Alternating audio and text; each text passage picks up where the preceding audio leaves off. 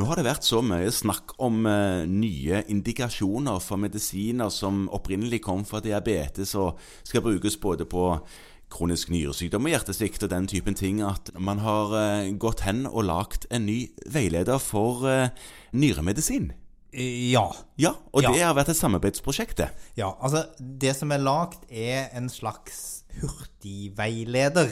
Ja, en slags eh, flowchart-sak. Ja, med litt mer tekst enn det. Um, Ja, jo da, et par det er det. sider, og kanskje ikke helt sånn der han er 100 desktop-aktig, men, men det, det er da et samarbeidsprosjekt mellom Mhm. Norsk nyremedisinsk forening og Norsk forening for allmennmedisin. Ja. Ja. Det er jo veldig gøy, fordi eh, det hender jo at veiledere og matriser som kommer fra andre enn oss sjøl, som vi skal bruke, ikke er så um, hensiktsmessig oppbygd. Nei. Så, så det som eh, noen kloke hoder tenkte, var at eh, det mangler en nasjonal veileder på punktet. Og det som ble gjort, og det vet jeg at ble gjort, det ble tatt kontakt med Helsedirektoratet og spurt om er det noen planer for en nasjonal veileder om nyresykdommer. Ja, og da var svaret Nei.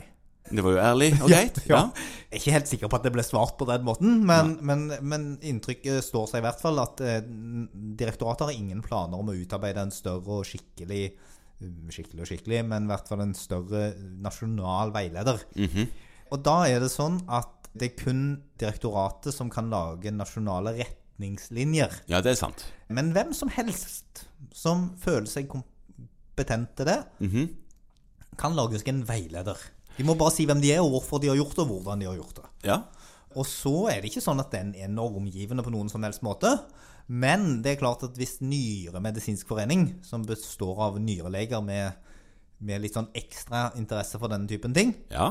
Nå tenker vi jo at nyreleger generelt har interesse for denne typen ting. De har jo det, og nyreleger er jo generelt meget kloke folk som tar inn hele mennesket ofte. Det er så sinnssykt mye med nyrene. Veldig flinke og fornuftige folk, nyrelegene. Og de jobber jo helt fryktelig komplisert og intrikat fagfelt. Ja, nesten på høyde med vårt. Ja, av lære. Når de da lager en sånn veileder, så tenker man jo at den er fornuftig. Og så var de så fornuftige at de tenkte at vi må faktisk spørre de som skal bruke denne veilederen, Ja, det er òg en god idé. om, Ja. om hvordan dette bør se ut. Så da var det et samarbeid, et gruppesamarbeid, og så førte dette fram til en veileder som nå er publisert. Mhm. Som da baserer seg litt på nasjonale forhold, litt på noe som heter KDIGO, som Ja, er en internasjonal veileder. Ja. av- Ikke Kygo, men noe annet. ikke Kygo. Nei. Skrives nesten likt. Handler om noe helt annet. Ja. Ja, eh, så Hvis du prøver å høre på KDIGO, så tror jeg du blir skuffa. Og så har dette nå gått gjennom i styret i NFA og i styret i Norsk nyremedisinsk forening.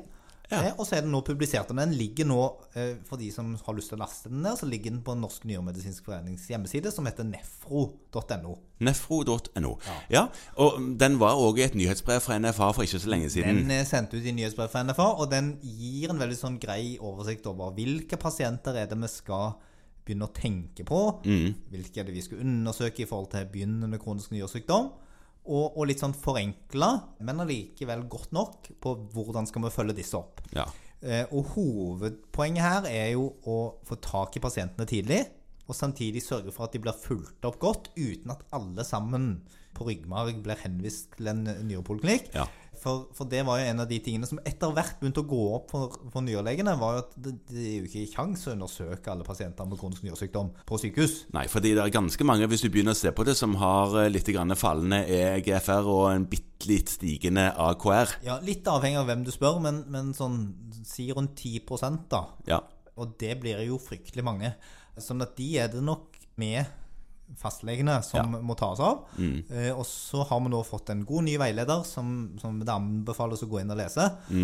Der du får god hjelp til å finne ut av hvordan skal du sortere disse pasientene, og hvordan bør du følge dem opp. ja, men dette arbeidet Du var jo med i den gruppen fra allmennlegesiden. Ja. Eh, Hvor lang tid bruker en på en sånn jobb? På å lage noe sånt. Ja.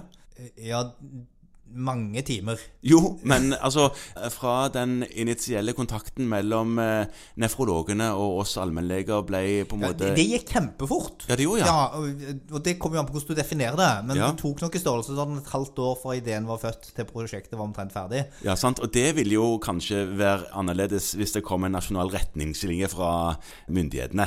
Ja, ja, det ville vært mye, mye Det er en mye, mye tyngre prosess Ja. eh, sånn sett. Det som man jo ofte ønsker seg, er jo den tunge prosessen, og så at man lager forenkla versjoner Ja, ut ifra den. Ja, ja. Eh, For da er det enda litt tyngre forankra. En, en nasjonal retningslinje er jo normgivende Mm. for behandlingen.